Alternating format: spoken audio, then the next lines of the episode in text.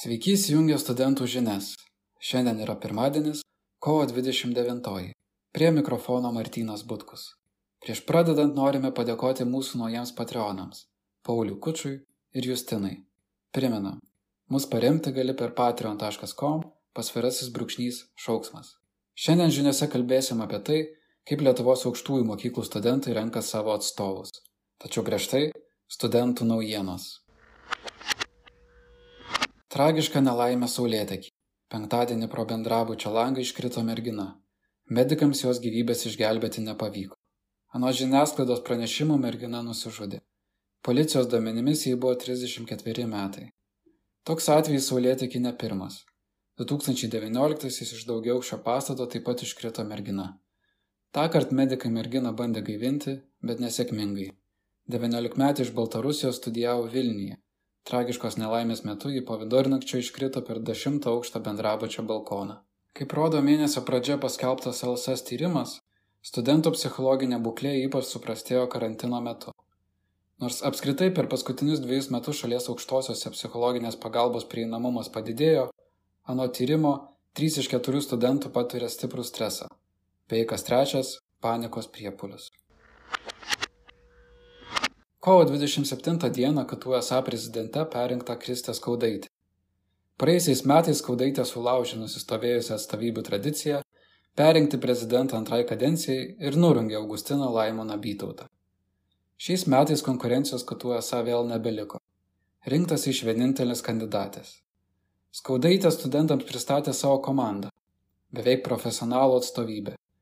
Jei kas nors laukia, taip ir neišgirdo, kas yra opiausios kitų studentų problemos ir ką galėtų pasiūlyti perinkta prezidentė.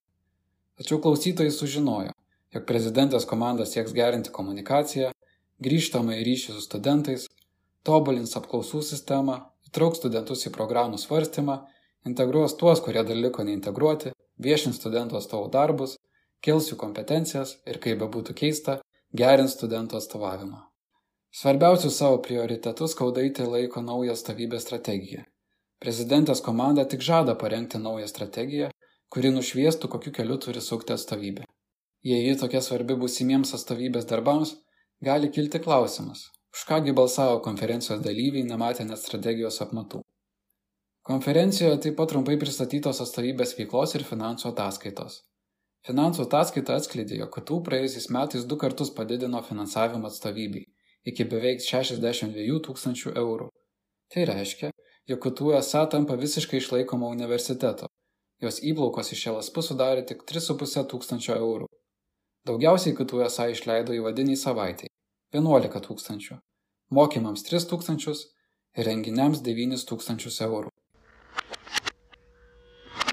Kovo 23 dieną vyko kandidatų į VGTU SA prezidentus debatai. Rinkimuose dalyvaus net trys kandidatai - Jėva Gudinaitė, Aistis Mazuraitis ir Paula Valaitytė. Be kandidatams į esą prezidentus privalomų mantrų apie atstovavimo gerinimą ir organizacijos stiprinimą, jų veiklos gairėse esti ir platesnių užmojų. Jėva Gudinaitė siūlo inicijuoti mentorių programą, kurioje gerai besimokantys studentai padėtų tiems, kuriems sekasi praščiau. Kandidatė organizuotų saviugdos užsiemimus studentams ir gerintų psichologinės pagalbos prieinamumą. Nacionaliniu mastu jai svarbu didesnis finansavimas studentų stipendijoms ir geresnė valstybės ramiamų paskolų sistema. Šiems nacionaliniams prioritetams pritarė ir Aistis Mazuraitis, pridėjęs kritikos aukštojo mokslo finansavimui pagal krepšelius. Jis taip pat siūlė VGTUSA turėti aiškę poziciją artėjančiose rektoriaus rinkimuose ir iškėlė idėją, jog vertėtų skaitmenizuoti studentams dažniausiai reikalingą literatūrą.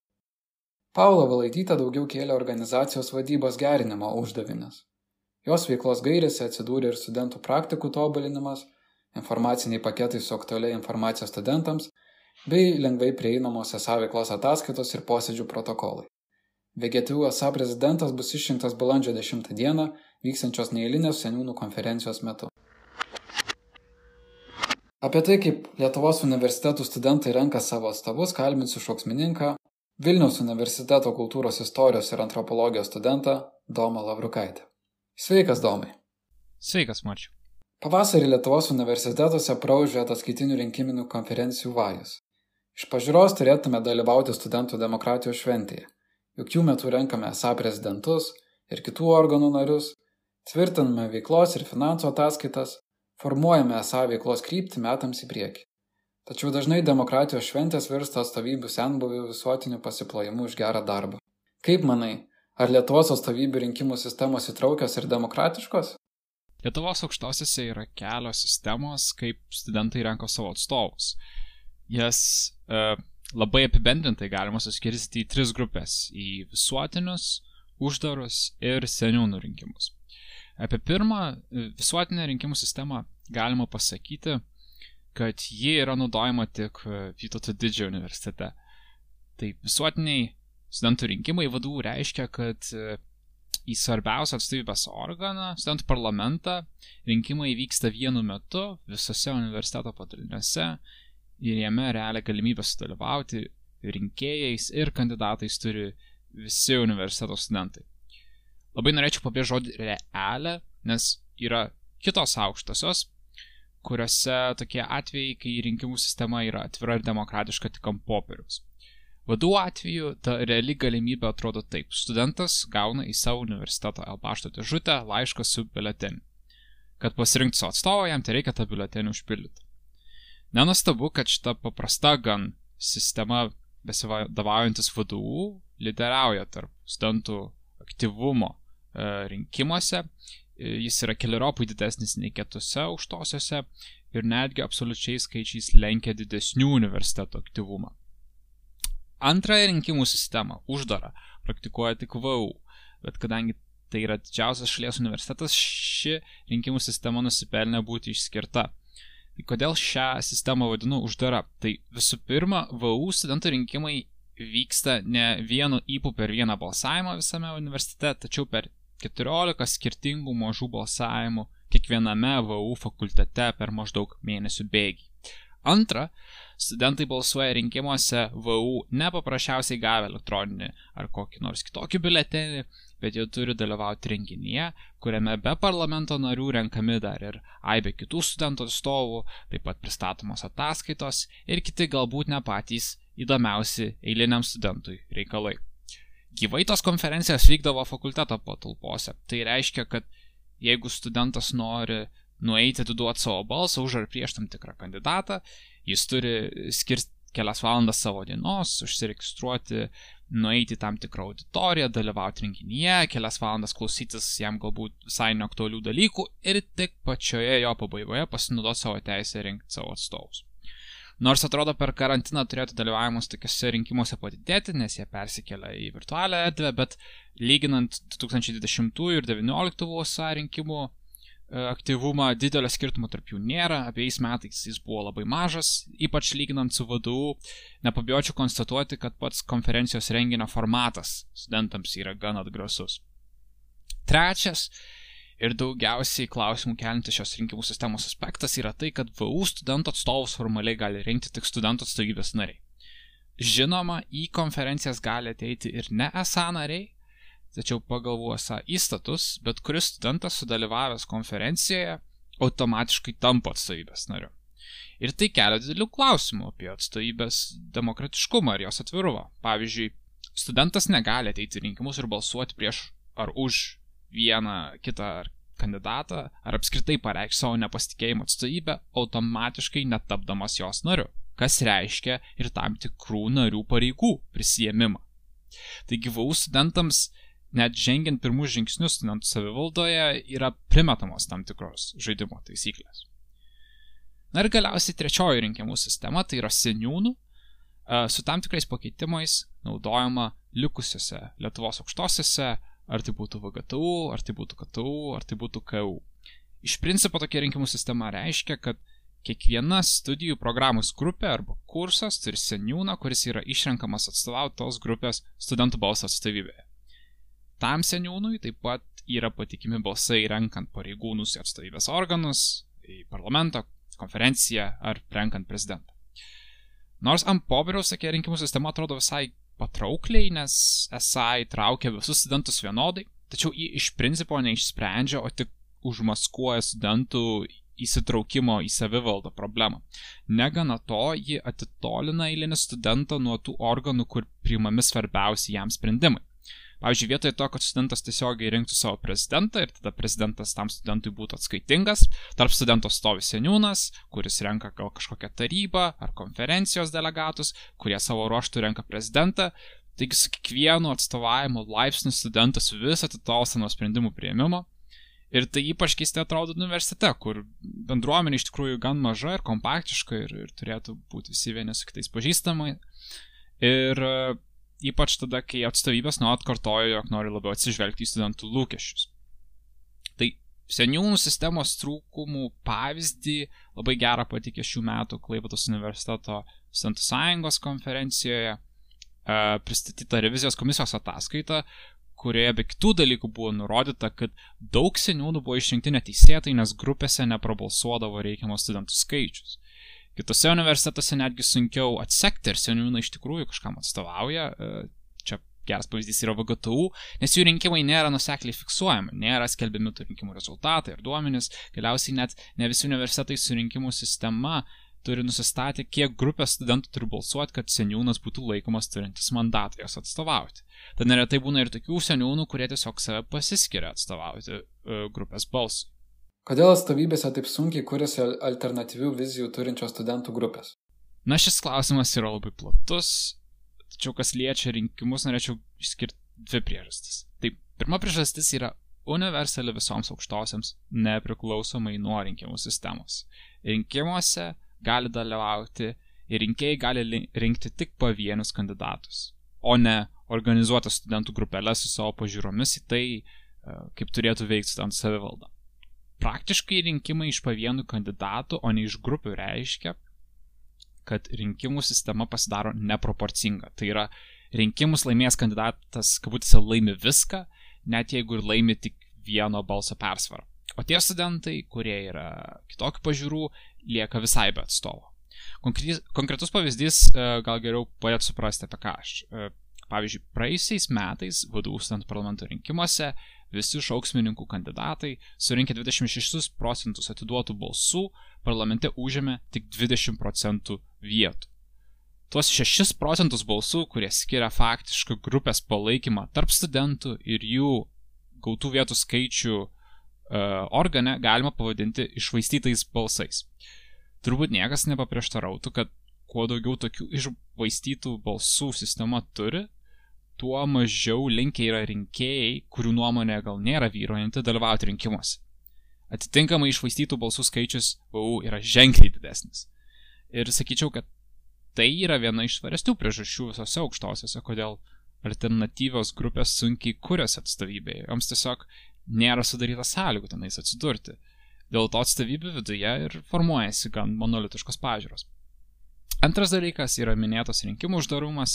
Jeigu mums dalyvaujant Seimo rinkimuose, tarkim, reikėtų 4 valandas sėdėti rinkimo apylinkėje, klausyti buvusio mūsų Seimo atstovo ataskaitų, diskusijų, dar taip pat klausyti savo seniūno ar savo valdybės tarybos nario kalbų ir kitų visų mūsų renkamų atstovų reikalus vienoje vietoje svarstyti, manau, kad dalyvavimas Seimo rinkimuose greit nukristų. Niekas tam tiesiog nenorėtų skirti savo laiko.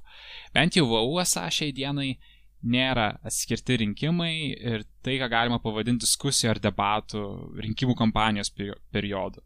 Viskas yra sumesta į vieną vietą ir, kaip minėjau anksčiau, toks formatas suvaržo studentų rinkimų teisę ir atgraso jos nuo dalyvavimo.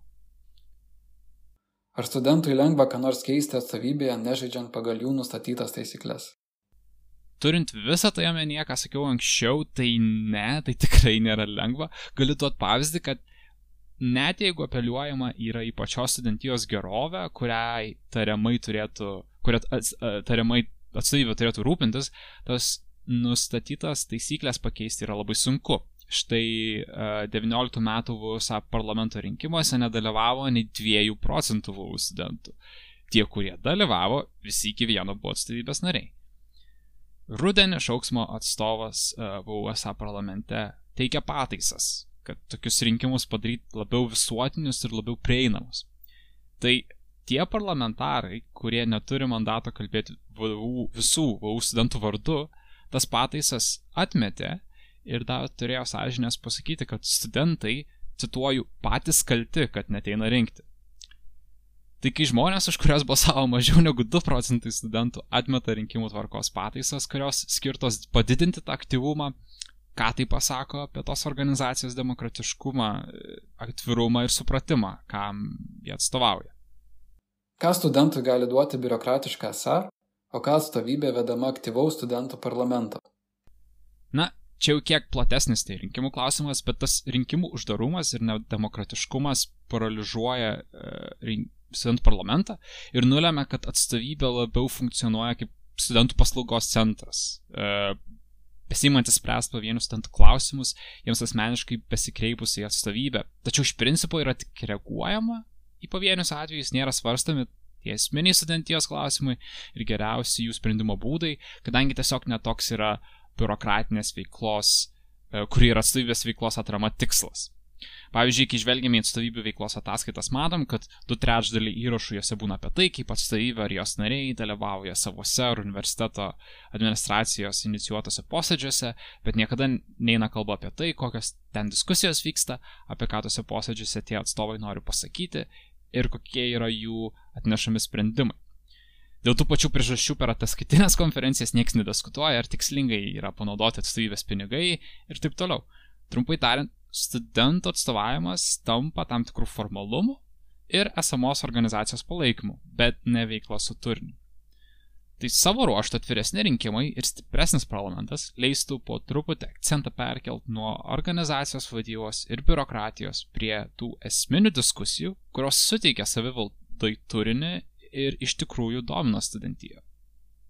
Ar tai, kad atstovybės kartais nori veikti lyg kliento aptarnavimo centrai, paaiškina tam tikrą idėjų štilių apie tai, kas aktualu studentams, kokios jų problemos ir kokių politinių sprendimų jos reikalauja? Man atrodo, kad čia yra vištos ir kiaušinio klausimas. Ar atstovybės susitelkusios į vadybą ir biurokratiją dėl to, kad studentai politiški, ar visgi priešingai? Tačiau į šitą dilemą, manau, reikėtų žiūrėti kaip į galimybę tą problemą spręsti iš abiejų galų Tai yra organizuoti studentų tarpę, kurti tas studentų grupės, kurios jau organizuotai dalyvautų studentų savivaldoje ir darytų įtaką atstovybei, nesvarbu, kad ir kokios jų politinės pažiūros. Tuo tarpu iš atstovybių reikalauti tų dalykų, kurios turėtų veikti padarį savivaldą. Ir pabaigai gal norėčiau sugrįžti prie rinkimų klausimo. Net visose aukštosiose, padarius rinkimus visuotinius ir demokratiškus, studentai tikrai staiga neplūstels ir nesusidomės atstovybių veikla savaime. Kad taip atsitiktų, turi atsirasti ir tie, kas atneša turinį tos rinkimus. Tai tos skirtingos organizuotos studentų grupės. Tačiau be demokratiškos ir sąžiningos rinkimų sistemos mes studentų savivaldos tikrai negalim turėti. Tai yra esminė jos sąlyga. Šį kartą tiek. Ačiū, kad įsijungiai.